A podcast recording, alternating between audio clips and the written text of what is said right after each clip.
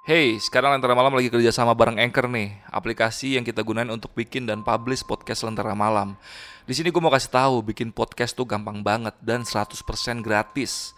Semua yang kita butuhin buat bikin podcast tersedia lengkap di Anchor, termasuk untuk distribusi ke Spotify dan platform podcast lainnya.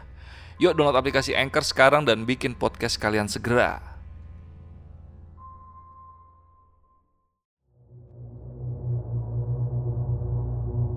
Kembali lagi di Lentera Malam bareng gua Adit dan sekarang kita lagi ada di podcast eksklusifnya Lentera Malam yang cuman ada di Spotify. Dan di sebelah gua udah ada narasumber yang akan bercerita tentang pengalaman mistisnya yang ada di daerah sekitaran rumahnya itu di daerah nanti bakal disebut sama narasumber deh. Di sebelah gua udah ada Boni yang bakal cerita ceritanya. Kita sapa dulu narasumbernya kali ini Bang Boni. Bang Boni apa kabar Bang Boni? Baik, Bang Adit. Oke nih Bang Boni udah beberapa kali cerita di Lentera Malam nih. Iya, ini ketiga kalinya, Bang. Tiga kalinya Iya, ya. ketiga Dan kalinya. ini spesial di Spotify-nya Lentera Malam. Oke. Nah Bon, lu mau cerita tentang rumah yang ada di dekat rumah lu ini bekas pembantaian itu tahun berapa kejadiannya Bon? Jadi kejadiannya itu tahun 2013, Bang. 2013 Iya, pembantaiannya. 2013. Ini yang meninggal di rumah itu siapa aja Bon? Yang meninggal itu satu keluarga, isinya itu ibu sama dua orang anak, Bang. Tiga-tiganya meninggal tuh. Tiga-tiga yang meninggal dibantai satu malam. Wah gokil. Dan setelah pembantaian itu tadi gue sempat ngobrol sama Boni kalau warga sekitar dan beberapa orang dari luar rumah itu padahal luar dari daerah itu Iya, ya itu sempat dihantuin sama sosok-sosok yang ada di rumah iya, itu ya. diteror lah. Wah, gokil, gokil. Nah, jadi buat yang penasaran sama cerita Boni wajib banget nih dengerin cerita ini sampai habis. Dan ini kejadian di daerah mana, Bon? Kebetulan ini kejadiannya di daerah Jakarta Barat, tapi untuk persisnya ya nanti bakalan gue sepil waktu cerita, Bang. Oh, oke, Gitu oke. aja. Tapi ini garis besarnya kira-kira di daerah Jakarta Barat ya. Jakarta Barat. Berarti nggak jauh-jauh dari warga Jakarta nih karena Iya. masih di pusat kota Betul, nih. betul. Nanti lokasi tepatnya bakal Boni share di tengah-tengah cerita atau di akhir cerita ya. Iya, betul. Jadi stay tune terus dengan cerita karena ini salah satu cerita yang cukup bagus ya karena gue udah dengar ceritanya duluan sebelum Boni shoot sama kita. Oke. Eh, sebelum kalian dengar ceritanya, gue mau infoin dulu nih buat kalian yang pengen jadi narasumber juga di Spotify-nya Lentera Malam bisa langsung eh, DM ke Instagramnya lenteramalam.id atau ke produsernya Lentera Malam nih. Si John Arya itu ada di mana John? Instagram lu John? Oke, nanti linknya gua taruh di kolom deskripsi aja. Kalian mampir, kalian cerita aja sama si John ceritanya kayak gimana. Nanti kalau bagus bakal kita undang ke Lentera Malam. Oke, gak usah lama-lama lagi. Sebelum kalian dengar ceritanya, kalian tonton dulu yang satu ini.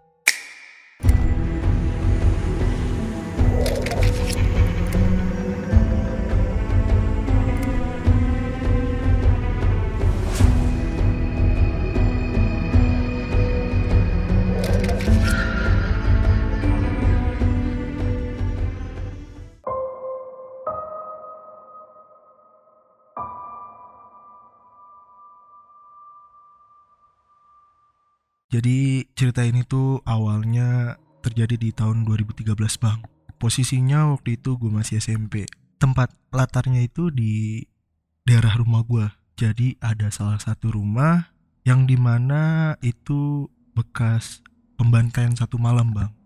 Oh, Pembantaian ini satu dibantai malam. satu orang atau satu keluarga nih? satu keluarga. Satu keluarga Satu dibantai. keluarga tiga orang. Satu keluarga itu ti- tiga orang. Ibu, anaknya yang pertama cowok sama cewek yang kedua itu bang. Iya, iya, jadi iya. satu malam dibantai jadi awalnya itu rumahnya ya kayak layaknya rumah komplek biasa aja bang tiba-tiba ada satu momen di mana pas waktu itu tuh pagi-pagi ada ART-nya mau kerja gitu ART-nya seperti biasa datang pagi buat kerja gitu kan pulang sore pagi-pagi dari luarnya udah nyium bau amis bang Hmm, amis-amis darah gitu Iya, iya. iya. amis-amis darah waktu dibuka dia kaget. Itu rumah udah berantakan dan dia ngeliat majikan-majikannya udah pada meninggal. Oh. iya. Dan lumayan tragis bang. Tragisnya tuh kondisi ininya ya kondisi jenazahnya itu yang paling parah itu si ibunya. Mayatnya itu di kamar mandi sampai dililit kabel telepon bang. Oh, lehernya nih. itu seluruh badannya Seluruh dililit kabel telepon. Iya kayak gitu bang.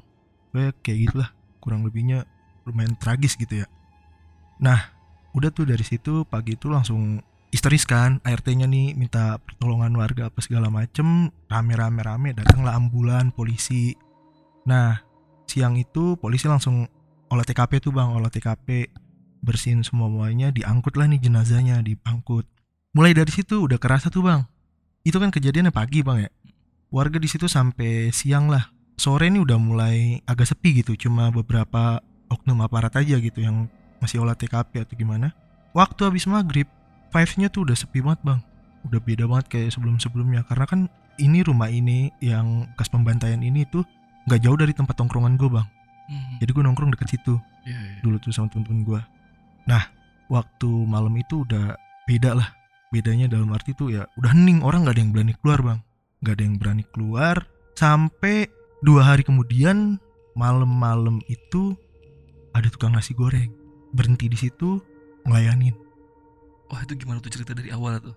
Detailnya gimana tuh? detailnya jadi tiba-tiba ini mah cerita dari satpam ya bang ya? Iya. dari iya. satpam komplek itu ya karena kan gue kenal gitu satpam komplek itu dia bilang tuh ada tukang nasi goreng sekitar jam 9 jam 10-an berhenti di depan rumah itu bang kayak Hmm. bikin pesenan awalnya dicuekin nih sama satpam satpam patroli gitu Iya, patroli kom keliling komplek dicuekin bang dicuekin tiba-tiba beberapa kali dia patroli ini tukang nasi goreng ini masih ada gitu Iya iya. iya. Iya masih ada. Karena kepo kan, sama men nanya lah. Si Pade ini nanya, Mas, ngapain gitu? Ini pak, lagi bikin pesenan. Buat siapa? Ini pak, yang rumah dalam. Dia nunjuk rumah yang bekas dibantai itu bang. Wah. Iya, Karena dia berhenti tet- tepat di depan rumah itu ya. tepat di depan rumah itu. Iya iya. iya. Nah, logikanya gini loh bang, kan eh, rumah itu tuh setelah diolah TKP udah di garis polisi gitu bang. Ya udah udah pasti kosong dong, nggak boleh ada orang. Lah ini si tukang nasi goreng ini berhenti persis di depan itu dan bikin pesenan buat siapa gitu kan. Kirain ya rumah seberangnya atau gimana gitu kan, karena rumahnya juga lumayan rapat bang, ada depan gitu komplek itu tuh. Nah, ketika ditanya dia bilangnya buat rumah yang itu. Loh ditanya lah sama sama satpam ini. Loh, gimana sih mas? Ini rumah kosong gitu. Ini rumah nih kosong. Masnya nggak lihat di situ ada garis polisi gitu. Kemarin ada kejadian. Ini satu keluarga dibantai di sini digituin. Terus kayak tukang nasi goreng ini nggak percaya. Loh tadi ada yang mesen pak ibu-ibu katanya gitu. Mesen tiga. Yang satu pedas yang dua sedang gitu. Bilangnya. Terus dibilang lah nggak ada. Mana ada ibu-ibu? Sini kalau nggak percaya, ayo kita lihat depan gerbangnya. Taunya kan itu gerbang dirantai bang. Mm, mm, mm. Iya setelah garis polisi itu gerbang dirantai nggak ada yang boleh masuk. Udah kayak gitu ya panik lah. Baru sadar gitu tukang nasi goreng itu baru sadar. Terus tadi yang mesen siapa gitu? Yang nggak tahu masnya siapa yang mesen gitu kan? Langsung dia panik, pamit dia, kabur langsung bang, takut dari Iya, situ. Dia sempat nyebutin nggak orangnya kayak gimana yang mesen gitu? Di situ dia sempet nyebutin bilangnya ibu-ibu bang, nggak terlalu Ibu-ibu tua aja. gitu doang. Iya mesen tiga nasi goreng, satu pedas, dua sedang gitu doang. Pas lagi ya buat tiga orang ya. Iya, Dan tiga tiga orang yang sudah meninggal itu, itu, dia ya. bang.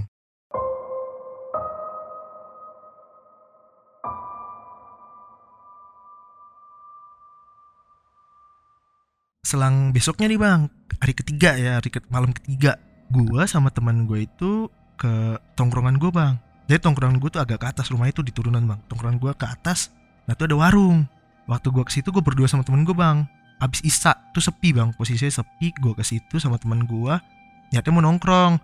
Terus karena sepi kita bete kan, mau jalan lah. Terus kita ke warung dulu. Nah, gue nganterin teman gue beli rokok ke warung situ. Ya udahlah kita selayaknya kita ke warung gitu kan belanja. Tiba-tiba yang punya warung tuh nanya sama kita. Tadi lewat bawah nggak? Lewat gitu.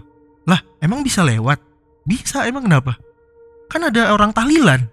Loh kita bilang tahlilan nggak ada nggak ada orang tahlilan. Loh tadi saya mau belanja lewat situ katanya. Mau maghrib tadi saya belanja di situ mau lewat situ tapi nggak bisa karena ada orang tahlilan dia bilang gitu Gak ada orang sepi rumahnya juga gelap tahlilan gimana orang rumahnya dirantai siapa yang mau tahlil gitu kan tapi dia maksa bang. Orang tahlilan rame orang pada ngaji gitu. Loh kita bingung kan? Akhirnya ya udah nih karena kita bertiga kepo ya udahlah. Bilang lah sama tukang warung ya udah mang kalau nggak percaya lihat aja yuk gitu. Kan kalau dari atas kelihatan tuh bang ya. Dari Iya, atas iya. dari warung atas tuh kelihatan. Jadi kita keluar warung kita ngeliat dari atas. Kita bilang tuh lihat sepi. Dia kaget yang tukang warung. Tadi rame gitu. Pada gelar karpet katanya gitu. Gelar karpet pada tahlilan. Sampai gedal karpet lagi. iya yang tahlilan siapa bang gitu kan karena itu rumah bener-bener sepi bang dan ya menurut gua jarang banget sih orang tahlilan di komplek gitu bang ya apalagi di tempat-tempat yang kayak kejadian tragis kayak gitu bang Iya iya. Iya karena yang nggak tahu juga keluarga keluarganya nggak ada sih selama itu. Jadi kayak gitu udah tuh dia panik nih. Yang tukang warung panik akhirnya dia masuk lagi. Ah nggak tahu lah kata dia gitu. ya udah karena gue berdua penasaran sama temen gue kebetulan gue juga mau cabut kan dari tongkrongan gue bang gue lewatin bang rumahnya tuh gue lewatin gue lewatin gue pastiin gitu apa em apa emang tadi ada orang gitu kan apa gimana apa mungkin bener tapi udah selesai gitu kan gue nggak tahu ya Iya, oh iya. benar ada tahlilan di situ tapi udah selesai gue lewatin gak ada apa-apa bang bener-bener gelap dari luar bener-bener gelap dan ya masih kayak hari-hari sebelumnya Iya, di garis iya, iya. polisi gerbangnya dirantai ya kayak gitu Dan lampu ada yang nyala nggak tuh lampu? nggak ada sama sekali Mati semua. dimatiin tuh Iya, iya. iya makanya gue bilang agak lucu nih nah udah masuklah beberapa hari kemudian tuh. Sore-sore bang. Jadi sore-sore gue sama teman-teman gue ini abis main bola abis main bola itu gue nongkrong lah di tongkrongan gue ini yang dekat rumah itu kan. Gue nongkrong di situ tiba-tiba ada tukang roti berhenti di depan rumah itu. Berhenti di depan rumah itu ini posisi maghrib bang. Ajan maghrib tuh. Dia ngeluarin roti ke rumah sebelahnya bukan rumah yang bekas dibantai ini. Iya, ke iya. rumah sebelahnya Set, udah gitu kan. Kita ngobrol nih kita ngobrol udah udah cuek gitu ya kan. Nggak karena dia bukan ke rumah yang itu gitu. Nah di sini nih nggak lama kemudian tukang roti ini nih keluar. Hmm. bingung. Bingung kenapa nyari sepedanya nggak ada. Hah? jadi pas Sepeda dia rotinya keluar nih. i- iya sepeda rotinya nggak ada bang. Dia keluar tuh nggak ada gitu. Dia keluar tuh nggak ada. Nah dia balik lagi lah ke yang beli ke rumah Hmm. sebelah ini nih. Ke, ke yang beli. Yang beli tuh bapak-bapak dia nanya pak lihat sepeda saya nggak? Tukang rotinya gitu tuh kata bapak-bapak yang beli itu ya nggak tahu. Masnya tadi naruh naruh di mana gitu? Saya naruh di sana pak depan rumah itu. Saya kan cuma datang bawa roti tadi ke sini. Ya saya aja nggak lihat sepedanya masnya di mana gitu kan. Iya. Loh, dia bingung tuh. Awalnya kita nggak notice nih bang. Gue sama temen-temen gue nggak notice karena gue dari jauh kan. Dia bingung bingung bingung. Nah gak lama kemudian dia ngelongok bang. Dia ngelongok ke rumah yang bekas dibantai ini. Mm-mm. ngelongok situ. Terus kayak kayak linglung gitu bang kayak linglung nah barulah gue sama temen-temen gue notice tuh ngapain tukang roti? gitu kan. Samperin yuk gitu samperin. Samperin lah gue gue sama temen gue nih. Kita rame lah sekitar 10 orang tuh gue turun. Kenapa bang? Dia diem ya bang. Ditanya juga kayak orang gak jelas gitu bang ya. Kayak linglung lah. Ke mana-mana matanya ditanya. Saya ini tadi ada yang beli roti katanya gitu. Saya ngelayarin roti. Tiba-tiba ada yang ngasih tahu ke saya pas saya lagi nyariin sepeda saya sepeda saya ada di dalam. Hah? di dalam rumah itu bang. Di dalam rumah itu? iya di depan garasi. Garasinya kan ditutup gitu bang ya? Di depan garasi bang. Ya, padahal kan gerbangnya aja digembok kunci. nah ya lah gimana caranya bang orang rumahnya dirantai gitu kan? Masuk ini gimana caranya? Kan? Iya, iya. iya. tiba-tiba nah kita nanya. Lah gimana ceritanya bang bisa masuk gitu? Saya juga nggak tahu. Tadi saya lagi nyari tiba-tiba ada mas-mas ngasih tahu sepedanya di sana. Pas saya mau nanya lagi sama mas-masnya mas-masnya udah nggak ada katanya. Oh. Ada yang sempat ngasih tahu tuh sepedanya di dalam Iya. situ tuh gitu. nyari apa gitu bilang. Nyari sepeda. Tuh sepedanya di sana gitu pas dilihat sepeda di depan garasi bang di, di situ lah. Kita kan bingung ya. Iya. kok bisa? Dan waktunya cepet gitu. Karena sebelumnya gue sempet gue lihat gitu dia naruh sepeda di depan rumah itu. Iya, iya. Tapi lu nggak ngeliat tuh yang orang ngasih tahu sepedanya nggak ada nggak ada bang. Dan gue juga ya ngobrol aja nggak notice kan agak jauh kan turun gitu dia. Iya, iya. ya udah kayak apa ya mikirnya siapa tadi? gitu kan. Siapa tadi? Cuma karena kan kita kasihan gitu bang ya. Dan ini pagar digembok bang. Iya, iya, iya. gimana ngeluarinnya? Yang megang kuncinya kan nggak ada gitu. Kita nggak tahu yang megang kuncinya siapa gitu kan. Akhirnya manggil lah security. Cuma kalau security itu kan adanya malam bang. Hmm. dia baru ada tuh abis isa kalau jam segitu belum ada. Jadi kita ke rumah dulu nih bang. Ke rumah manggil security yang jaga keamanan di situ untuk diskusi nih gimana nih. Ya udah atas seizin security kita semua bantuin lah buat ngeluarin tapi kata security saya juga nggak tahu yang megang kuncinya siapa gitu ya udah gue sama temen-temen gue bang manjat manjat tuh gerbang nah kan kalau sepeda roti itu kan belakangnya ada tempat rotinya tuh bang ya Iya, iya. iya. dicopot dulu bang susah banget itu Set. Jadi- PR banget ya. Iya itu gotong-gotongan itu bang satu-satu baru sepedanya itu digotong begitu bang. Nah kayak gitu udah keluar terus dia kayak bingung kan kok sepeda saya bisa masuk sini. Akhirnya dibilangin tuh sama yang security makanya bas jangan lewat sini lagi besok gitu. Udah lewat tempat lain aja. Ya saya nggak mau lewat lagi di sini katanya gitu. iya bingung juga bang kok bisa masuk dan waktunya cepet gitu. Iya, iya. Kok bisa iya. tiba-tiba di dalam gitu kan? Dan lu nggak ngeliat proses masuk sepedanya ke dalam rumah Enggak, itu? Enggak, Iya, enggak lihat iya. juga bang.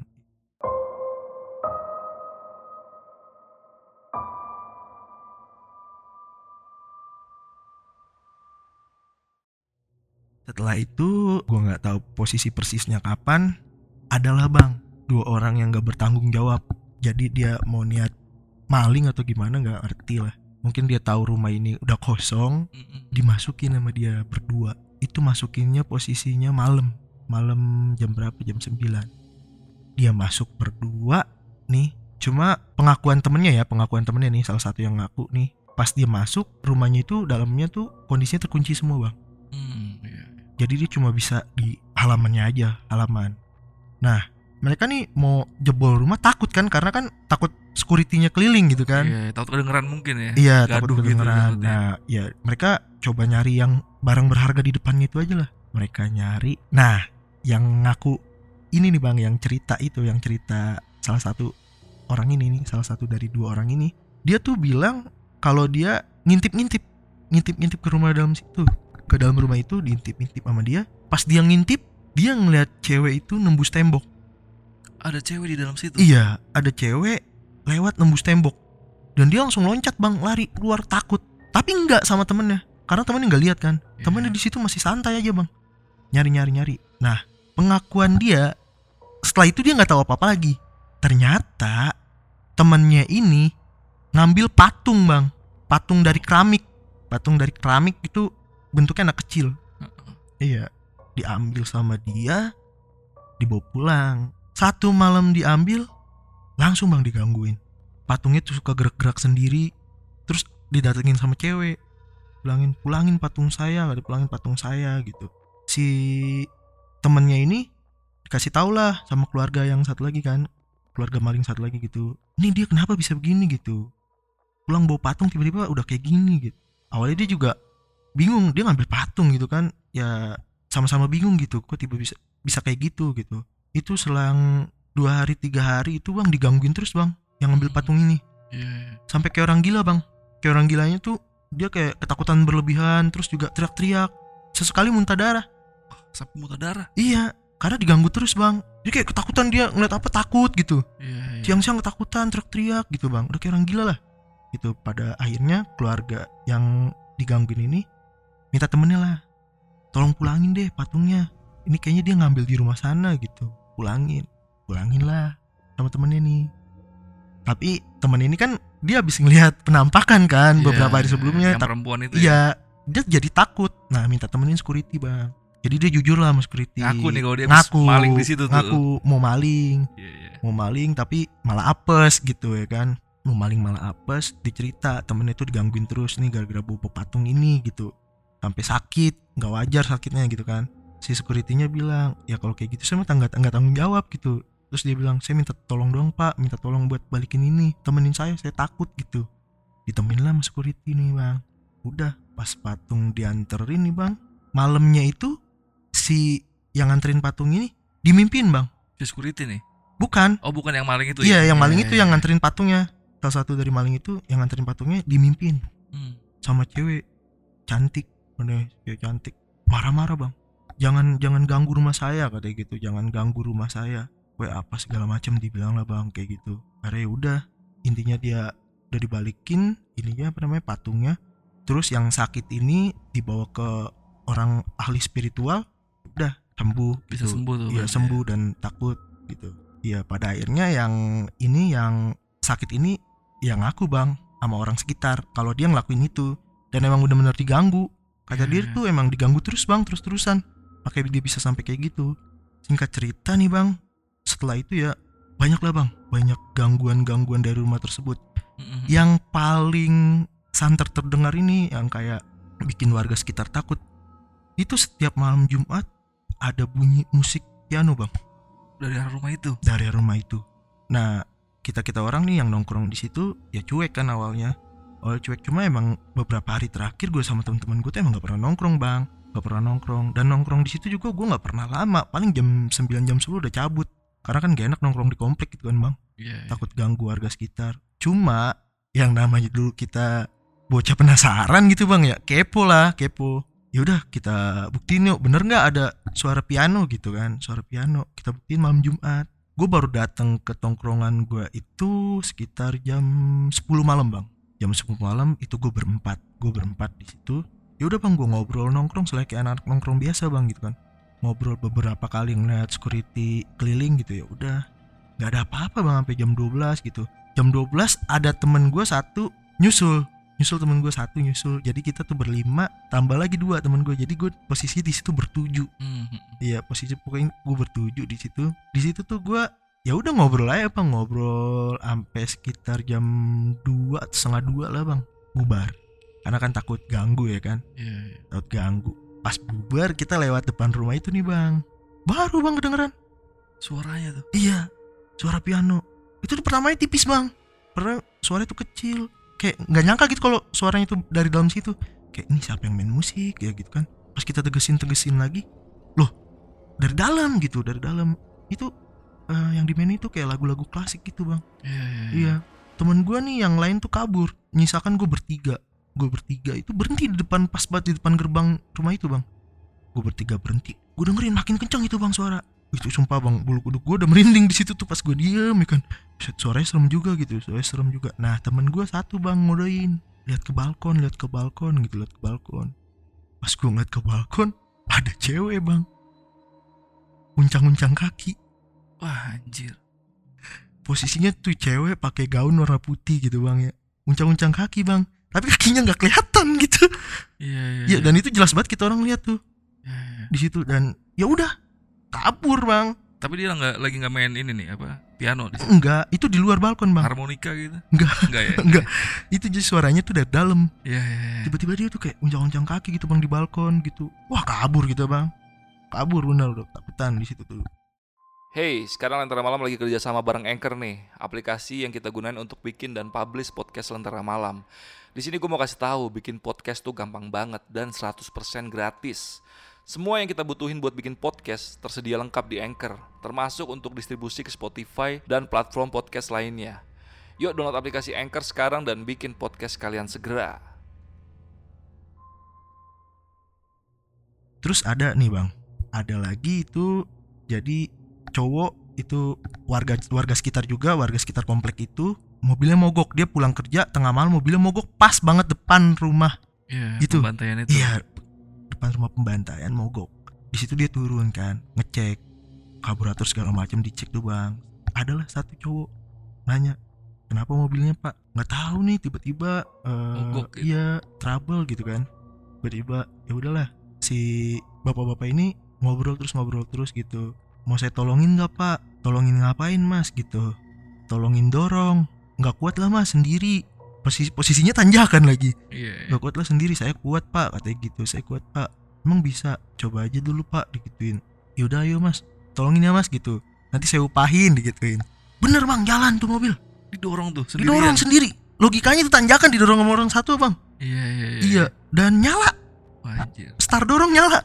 Iya, iya, iya. nyala. Pas nyala bapak-bapaknya turun mau ngasih duit nggak ada itu orang Hilang tuh orang. oh hilang Wah, anjir. ya dengernya juga oh kaget juga gitu kan Iya. Iya. Nah, yang terakhir ini yang paling berkesan gitu bang ya. Di situ tuh ada terakhir kali itu tukang taksi Hmm.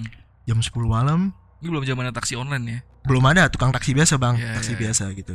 Dia tuh tiba-tiba jam 10 malam ke pos security. Hmm. Iya, nemuin si Pade ini, Pade security kan.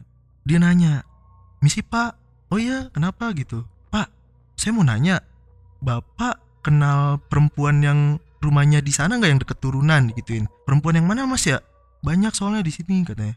"Ya, perempuan lah sekitar umur 20-an gituin. Orangnya kayak gini gini gini gini gini."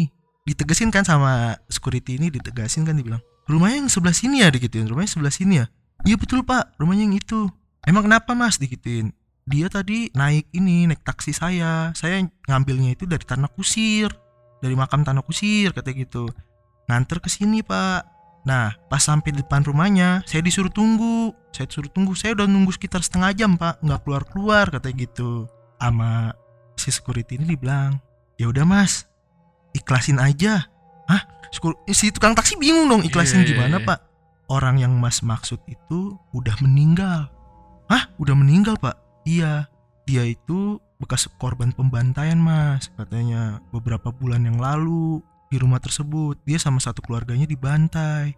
Dan rumah tersebut itu kosong, Mas. Masa sih, Pak, orang tadi saya ngeliat, kata tukang taksinya gitu kan, saya ngeliat dia masuk ke rumah itu, Pak. Saya disuruh nunggu, tapi saya panggil-panggil nggak keluar-keluar. Iya, Mas, di, di ini lagi diyakini lagi sama si security dia bilang kalau Mbak X lah namanya gitu ya si Mbak X ini emang udah meninggal mas gitu. Dan kuburnya bener di tanah kusir. Oh, satu keluarganya dikubur di tanah kusir gitu. Di tanah kusir di kubur itu. di tanah kusir di kuburnya Anjir, berarti fix nih ya. fix. Iya, nah iya. terus dia kayak nggak yakin gimana sih pak? Orang yang saya bawa orang dia tuh pakai gaun putih dibilang gitu. Bener orang sepanjang jalan saya ajak ngobrol katanya gitu kan. Ya pada faktanya bang bener kayak gitu mas. Mm, mm. ayo deh saya temenin tunjukin rumahnya digituin sama security. Nah diajak nih securitynya ke rumah tersebut dan bener itu rumah pembantaian yang dimaksud kan? Iya, iya. lihat mas ada garis polisi dia bilang gitu. Mana ada orang di sini?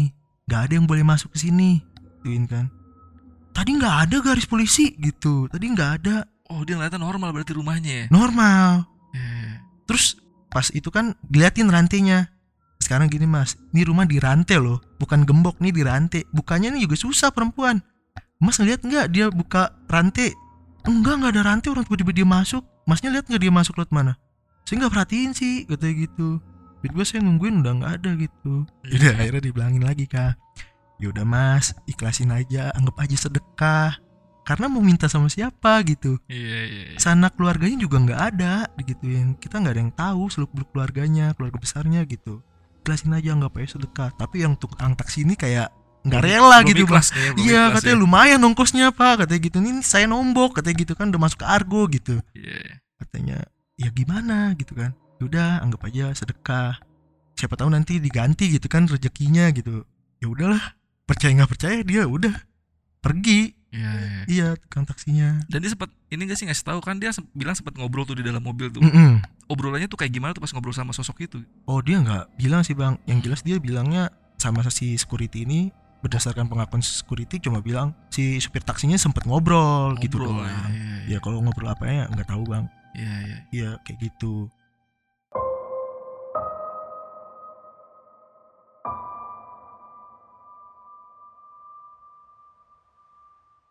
Nah udah nih bang. Intinya setelah itu tuh banyak lah kayak gangguan suara-suara nggak jelas gitu bang. Pokoknya ya warga sekitar ngalamin lah Mm, mm, mm. Sampai akhirnya tahun 2015 bang Rumah itu dibeli sama pengusaha Barulah first time rumah itu dimasukin orang banyak. Orang-orang dari pengusaha ini bang Mau bersihin rumah itu mau dibangun ulang gitu Oh iya, iya. Ya pas pertama kali masuk itu kan dia tuh kayak nyuruh tukang-tukang ini tukang-tukang pembersih gitu mau dibersihin lah intinya mau rumah itu mau dikeluarin semua barangnya karena kan furniturnya tuh masih lengkap di dalam Mm, mm. Iya, keluarin semua barangnya baru nanti pelan-pelan dirobohin bangunannya gitu. Pas baru masuk, Bang. Itu kondi- kondisi siang, Bang, jam 1 itu kondisi jam 1. Siang dia tuh bawa orang sekitar 6 orang 7 orang tuh pengusaha itu buat bersih-bersih rumah itu masuk ke dalam langsung, Bang. Rumah itu dibikin kayak kapal pecah. Wah. piring pada terbang. Anjir. kabur semua bang. Iya langsung kayak kayak gitu bang diganggu. Pokoknya Iya, kayak iya, piring pada terbang barang-barang pada goyang semua bang. Kabur bang. Bingung kan gimana nih ya kan? Cuma ya nggak habis inilah nggak habis cara bang ya. Namanya dia mau bangun ulang gitu kan dipanggil lah ahli-ahli spiritual nih bang Mm. buat netralisir. Bersihin tuh rumah Iya. lah ya. Ngebersihin lah. Pas masuk pertama bawa satu bang. Gak nggak mempan. Nggak mempan dia nggak mau. Baru masuk ke depan dia bilang oh enggak saya nggak berani kalau sendiri gitu. Cariin orang lagi yang ilmunya lebih tinggi dari saya gitu. Sampai ada empat bang. Intinya empat paranormal lah kayak gitu ya untuk ngebersihin rumah itu bang. Nah waktu masuk ke dalam itu tuh kata mereka tuh mereka diganggu abis bang gitu bang. Diganggu abis. Kita orang nggak ada yang tahu kan kita orang nggak ada yang tahu. Pokoknya cuma mereka berempat security sama yang pengusaha ini gitu kan. Sampai pada akhirnya salah satu dari paranormal itu kemasukan bang. Kemasukan cewek. Dia tuh marah-marah. Dia bilang ini rumah saya katanya. Jangan ada yang berani ganggu katanya. Kalau nggak mau celaka katanya. Saya nggak akan pergi walaupun diusir katanya gitu. pokoknya perdebatan lah kayak gitu ya bang ya. Pada intinya tuh bisa bang dibersihin. Hmm. Dibersihin. Mungkin kita nggak tahu perjanjian apa yang dibuat ya. Dibersihin lah bang rumah itu. Iya. dibersihin beberapa bulan kemudian bangunannya dihancurin bang. Cuk. ada kejanggalan nih bang. Setelah bangunannya dia hancurin ada beberapa malam gitu yang beberapa malam gitu bang ya. Rumah itu bang bau darah. Udara. bau darah? Setiap orang yang lewat situ pasti nyium bau darah. Padahal rumahnya udah hancur tuh. udah hancur bang. Cuma tinggal puing-puing gitu aja bang. Iya iya iya. belum dirapin tinggal puing-puing itu bau darah bang. Bingung kan ini darah baunya dari mana gitu. Ya pada akhirnya semua ya sadar kalau dari rumah itu. Cuma kan gimana ya mau diapain lagi gitu kan udah dinetralisir pun kemarin ya udah cukup segitu gitu. Nggak ngerti lah prosesnya kayak gimana tapi itu berlangsung beberapa hari gitu bang ya. Sampai akhirnya puing-puingnya ini bang dibersihin. Jadi tinggal tanah rata gitu bang. Tinggal Iya. tanah rata. Baru nggak ada bau darahnya bang. Nah kemudian masuklah bang para pekerja bangunan ini diriin rumah singgah mereka kan di situ. Itu tuh banyak bang pekerjaan tuh sekitar puluhan orang lah banyak di situ. Pengakuan para pekerja bangunan ini pun bang mereka selama kerja bangun rumah itu banyak diganggu. Diganggu dari segi suara-suara gitu bang. Suara-suara terus kayak ada penampakan-penampakan. Yang paling sering itu pokoknya perempuan lah. Iya iya. iya. penampakan perempuan. Paling sering itu penampakan perempuan sampai yang paling parah itu beberapa dari mereka itu sempet ngalamin ini apa namanya mesinnya tuh nyala sendiri malam. Mm. mesin buat semen tuh bang nyala sendiri Hmm. kayak gitu gitu bang. Mesin buat nge- ngebor nyala sendiri. Mereka pada bingung gitu ya kan. Tapi yang namanya pekerja-pekerja itu mungkin udah biasa bang ya. Jadi ya udah tetap melanjutkan pekerjaan. Terus ada lagi satu titik itu di mana salah satu dari pekerja ini meninggal lagi kerja Sampai meninggal. meninggal awalnya mereka ngiranya itu cuma kecelakaan kerja biasa bang Mm, mm. tapi ada salah satu temannya ini bersaksi kalau temannya itu meninggal kan karena jatuh bang karena Hmm. jatuh kiranya itu kan dari apa namanya dari kecelakaan kerja biasa gitu Iya lah iya. iya. nggak sengaja atau gimana tapi ada temennya yang bersaksi bilang kalau temennya ini sebelum jatuh itu sempet ngelihat cewek cantik. Dia bilang nih temennya yang meninggal ini bilang tadi saya ngeliat cewek cantik di sana gitu terus temen yang bilang nggak usah ngaco orang di proyek mana ada cewek cantik Iya, iya. bener saya ngeliat cewek cantik udah ditinggal sama temennya ke bawah bang tuh dia posisinya di atas bang di atas jatuh bang habis itu buak, eh, meninggal Nggak lama habis dia ngomong ada perempuan Iya. cantik di situ.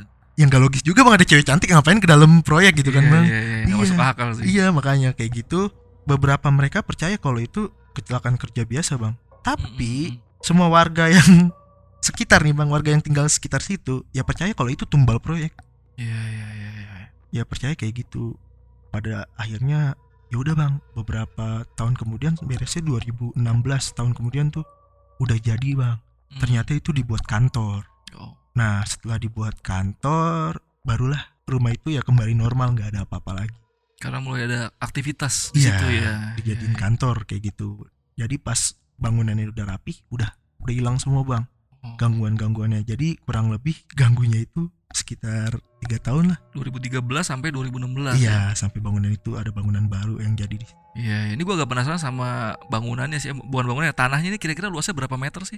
kalau meternya sih kurang lebih ya bang kalau lebar ya secara lebar ya bang secara Mm-mm. lebar ini sekitar 50 sampai 60 sih bang lebarnya Wah, lumayan gede juga bang gede belakang. juga ya. Iya, lumayan lumayan gede bang Iya, iya, kan iya, dijadiin kantor ujungnya di situ Iya, iya, Iya, iya. Berarti ini rumah orang kaya dulunya ya? rumah orang kaya Iya, iya. dan ini bang eh, yang jadi apa ya masih jadi berita simpang siur dan pro kontra ini Mm, mm, mm. akibat kenapa gitu Se- sebab akibat keluarga ini dibantai satu malam Mm, mm, mm. Ya itu tuh gue mau mau nanya tuh gimana tuh jadi ceritanya Iya. tuh Bon? jadi tuh kita tuh masih mikir tuh gini bang ya karena pengakuan pengakuan si orang-orang yang ngelihat pada saat olah TKP gitu dan apa polisi-polisi pun beranggapan bahwa ini perampokan Perampokan. perampokan tapi ternyata si ART mengaku nggak gitu Oh, pengakuannya beda nih dari ART nih. beda Itu gimana tuh? Dari Pak ART-nya itu gimana tuh pengakuannya, Ben? si ART-nya ini bilang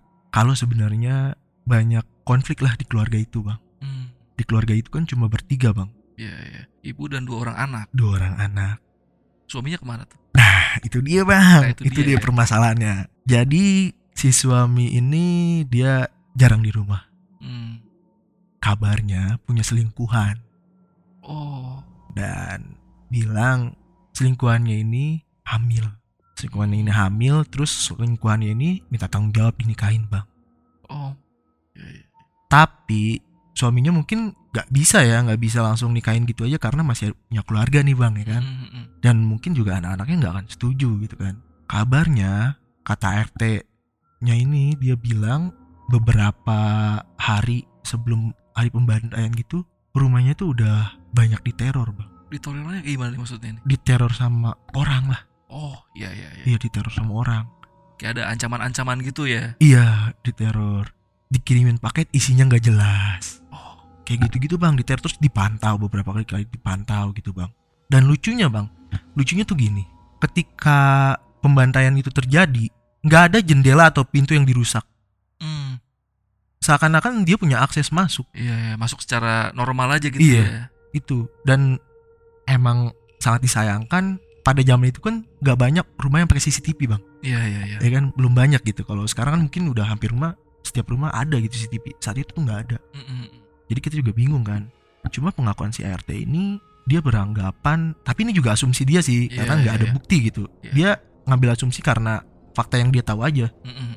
itu orang-orang yang ngebunuh ini yang ngebunuh keluarga ini disuruh sama selingkuhan suaminya Oh. kayak gitu Iya, iya. Ini masih dugaan ya. dugaan Iya, iya. iya tapi dia berani bertanggung jawab lah katanya atas asums- asumsinya Mm, mm, mm. karena ya mungkin dia yang tahu bang ya seluk beluk Iya, keluarga itu ya katanya tapi yang berita yang beredar nih ya perampokan perampokan. ya toh pas perampok dibilang perampokan nggak ada barang yang diambil loh Iya, betul juga ya. Mm-mm. Cuman ada jenazah doang yang, Jenazah. berserakan di rumah itu Iya ya. jenazah berserakan terus kayak apa ya rumah dah pada hancur gitu bang Mm, mm, mm, mm. kayak gitu Mungkin lebih. itu buat manipulasi ya, seolah-olah supaya habis terjadi perampokan iya dan kemungkinan besar ya bisa jadi Itu asumsi dia. dari ART, RT itu benar. itu, tuh, iya. iya. Karena ini cerita mirip-mirip banget nih sama yang pernah ada di YouTube Lentera Malam nih Bon. oh ada bang Jadi di daerah Subang pernah ada kejadian kayak gini nih. oh Cuman gimana sampai sekarang sih masih belum ada pelakunya yang ketangkep ya. Hmm, sama sih ini juga belum ada bang Iya, Nggak ada yang iya, ketangkep iya, lampunya. Iya, iya, iya. iya Sampai detik ini berarti Bon. nggak ada bang Dari 2006 eh 13 13, 13, sampai kejadiannya. 2022 ini belum ada yang ketangkep. nggak ada hampir 10 tahun belum ada bang Wah, hilang gitu aja dan Iya. ya rumah itu juga sampai udah jadi bangunan baru kan iya iya. Berarti sama suaminya tuh udah dijual rumahnya ya. Udah. Iya, iya. Berarti kan dijual. yang mungkin kalau udah gak ada istrinya hak milik ke suaminya lagi kan ya. Iya. Akhirnya dijual tuh. tapi yang jual itu nggak tahu suaminya tuh nggak tahu siapa bang tiba-tiba ya kita taunya udah dijual aja Udah laku ke orang lain lah, Iya. udah berpindah tangan Iya, kepemilikannya. Iya, tangan iya, kayak iya. gitu bang Dan tahun 2013 emang mungkin masih belum banyak CCTV ya. itu sangat disayangkan Tapi kalau 2002 2022 ini ada CCTV mungkin CCTV ntar bakal rusak tuh Bon. Bisa jadi dirusak gitu Kan pernah ada nih kejadian di berita-berita belakangan ini. oh iya betul bisa jadi Bisa jadi ya tuh Iya. rumah tiba-tiba Mm, mau ada bukti CCTV-nya rusak. Iya. Sebelum-sebelumnya normal-normal aja. iya Ya, tapi nggak tahu juga lah. Ini masih asumsi dari ART-nya ya. asumsi asumsi RT RT-nya ini. Untuk fakta hukumnya kita nggak tahu kayak Tuh, gimana. itu dia, Tuh, tuh. iya, iya. Dan sekarang lu masih tinggal di daerah situ, Bon? masih Masih. masih Ini boleh spill dikit nggak sih daerah mana, Bon? Daerah Jakarta Barat pokoknya intinya di daerah Palmera Oh, Palmera Jakarta Barat nih ya. Iya salah satu Silakan cari sendiri rumahnya. cari sendiri Iya, iya, iya. iya. takutnya nanti rame bang Iya, iya. Lagian juga ini bangunannya udah berubah bentuk Udah. total ya. Iya orang juga nggak akan tahu kecuali orang-orang sekitar lah yang masih Iya, iya. orang lama gitu yang emang tinggal di situ udah Iya. lama. Apalagi security-nya. Karena ini kan lu dapat cerita banyak dari security itu ya. Security Itu masih jadi security daerah situ nggak? meninggal, Oh, udah meninggal. si Pade udah meninggal. Siapa namanya? Kita manggilnya Pade nggak tahu namanya Oh, siapa. nama Manggilnya nggak Pade. tahu ya, manggilnya Iya, Pade. Pade aja Pade. Udah meninggal dia. Iya. Gokil. Karena dia beberapa cerita tuh dari dia tuh yang kayak Iya. si siapa namanya? Supir Eh, taksi. supir taksi. Iya kayak gitu-gitu. Terus siapa tadi? Ada lagi tuh Yang ini yang pengakuan yang dari tukang nasi goreng. tukang nasi goreng, maling juga Iya, kenal sama dia juga. juga. Nah itu endingnya dari maling tuh digebugin gitu masih Pak security-nya. Enggak. Enggak ya. Enggak. Kasihan juga ya. Iya dan ya security juga nggak nyebarin ke orang bang. Mungkin kalau nyebarin ke orang akan dipermalukan atau gimana gitu kan. Iya iya. Yang dua orang itu warga situ juga bukan sih? Yang maling itu? Kebetulan dia agak jauh sih bang, agak Hmm. jauh. Jadi bukan warga situ asli gitu. Iya iya. Agak iya. jauh lah lumayan. Tapi dia tahu kalau rumah itu kosong. Tahu. Gitu. ya. Iya. Ya mungkin kesebar gitu kan berita rumah ini Hmm. bekas pembantaian nih gitu. Iya iya. Dan ini apa? Pas lagi ada pembongkaran rumah tuh pas mau dibangun ke bangunan yang kantor itu, Mm-mm. itu sempat dikeluarin juga nggak sih piano gitu di dalam rumahnya Iya. atau ada emang ada piano di rumah? Ada ada piano. Mungkin salah satu anaknya suka main musik bang ya. Iya iya tahu. iya. Iya. dikeluarin piano ada piano gede juga sih Ya itu piano gede itu Iya. tanda strata tinggi biasanya. Iya, betul, betul, Bang. tidak mungkin Iya. punya. Biasa, biasa pun juga ini apa? Apa John yang pakai tiup John? pianika Pianika ya. iya pianika Biasanya kaum kaum miskin pianika. Iya. Karena gue di rumah juga punya pianika, nggak punya piano yang gede. iya orang kaya. Wajar lah kalau rumahnya sampai 50 meter lebih Iya. lah ibaratnya ya. lebarnya aja segitu kurang lebih Iya iya iya. Dan lu sendiri pun masih tinggal di daerah situ Bon ya. Iya. Dan udah nggak ada kedengeran lagi tuh kasus kasus ada orang digentayangin sama sosmed. nggak ada bang setelah 2016 ya udah netral Udah nggak netral semenjak Iya. udah ada kegiatan di di tempat itu ya. Iya emang udah rame sih sekarang juga udah rame. Nggak Iya. kayak dulu nggak sesepi dulu. Gitu. Iya, iya, iya. Dan tukang taksi itu sempat balik lagi ke tuh ke Pak D tuh. Enggak enggak bang. Ngomong. Pak saya jadi kaya nih gara-gara kemarin ada penumpang. Bisa jadi ya gitu bisa jadi kedatangan Iya, iya. rezeki gitu. Iya, iya. Tapi kalau untuk eh, pe- penyebab kenapa bisa sampai meninggal itu masih teka-teki ya karena Teka-teki. belum ada tersangka sama sekali. Iya. Tapi ini kemungkinan dari polisi emang pembunuhan kemungkinan ya Iya. perampokan pembunuhan Perampokan, gitu. Cuman pembunuhan. perampoknya pun belum ketemu gitu ya. Iya. Nah kalau untuk jenazah ibunya kan ini kan dililit telepon gitu ya kabel telepon ya. Iya. Kalau untuk dua anak itu gimana tuh kondisinya tuh? Dua anaknya itu itu yang satu ditembak bang. Ditembak. Tembak Wah anjir. tembak bolong di bagian dada. Eh, eh, eh. Mm-mm. Bolong bagian dada. Yang satu lagi? Yang satunya lagi itu posisinya di tangga bang. Dan itu kayak kayak orang banyak memar-memar. Banyak Oh, ini apa bekas benda tumpul gitu. iya iya iya. Iya. iya. Gue sih nggak lihat, gue nggak lihat kondisi jenazahnya cuma yang orang-orang cerita seperti Informasi itu. yang tersebar seperti itu kondisinya. Iya, tapi yang paling disorot nih si ibu. Ibunya. Iya, udah ditusuk terus ya kayak ditaruh kamar mandi dililit kabel telepon bang. Berarti kemungkinan sempat disiksa dulu kali ya. Bisa jadi. Iya iya. Iya. iya. Dan itu kemungkinan kalau yang sosok-sosok yang sering muncul itu selain ibunya berarti anak yang perempuan, eh yang laki juga ada tadi ya. Ada yang dorong laki- berarti Iya itu itu. kemungkinan yang laki-laki Bisa ya. jadi karena laki itu doang bang. Iya iya iya iya. Tapi iya. yang paling sering ya itu cewek. cewek. Kita nggak tahu entah ibunya atau anaknya. Anaknya. Nggak tahu. Iya. Iya, Karena dua-duanya sama-sama meninggal secara tragis ya. Iya tragis. Wah gokil nih. Kalian kalau selingkuh jangan sampai beginilah. Iya Apalagi itu. ini yang lakuin kata RT kemungkinan si Iya. itunya ya siapa? Eh, Selingkuhannya. selingkuhannya. Iya. Ini kemarin ab- abis ada kasus juga nih yang rame di Instagram gue lihat tuh yang anggota oknum lah oknum ya. Hmm, oknum, yang oke. suaminya nyuruh orang nembak istrinya sendiri. Waduh. Wah, itu kejam banget sih. Anjir, itu. anjir, anjir. Bukan manusia itu bang. Iya, tapi Hmm. Weh, hati-hati kok, hati-hati Oke. kok. Iya. Dan dia tapi akhirnya kabur. Kabur bang. Kabur terakhir gua dapat info sih kabur dari kesatuannya dan akhirnya bunuh diri juga tuh di daerah Jawa Timur kalau nggak salah. Dan ini berarti kan pembunuhannya persiapannya tidak matang ya. Iya. Habis nembak kabur. Iya. Ketahuan lah siapa pelakunya ya kan. dia tidak bisa berpura-pura. Dan Cuma- biasanya juga digentayangin mungkin bang ya dihantui jadi ya. rasa bersalah atau mungkin gitu Iya, jadi iya, iya. stres kan itu aduh hati-hatilah dengan perselingkuhan-perselingkuhan iya nih. makanya Nih, John gimana John? Aman John? Aman ya? Aman ya. Oke Bon, Gitu. nih thank you banget nih Bon udah share cerita lagi di Lentera Iya. Malam nih Bon. Nih terima kasih banyak pak eh, episode khusus di Spotify nih. Yoi. Dan lo ada yang mau dipromosiin kan nih ke pasukan Lentera Malam nih Bon? Instagram lo atau apa? Kalau Spotify gue juga punya Spotify bang Oh lu punya Spotify juga apa Iya, tuh Bon? tapi eh, nggak bahas horor-horor enggak bang Oh iya, Nggak bahas iya. horor-horor. Bahas apa tuh Bon? itu bahas ya keresahan pribadi aja sih bang keresahan anjir. pribadi Ini kayak Gitu. Oza Rangkutin ya. Mirip-mirip ya, kesel aja ya.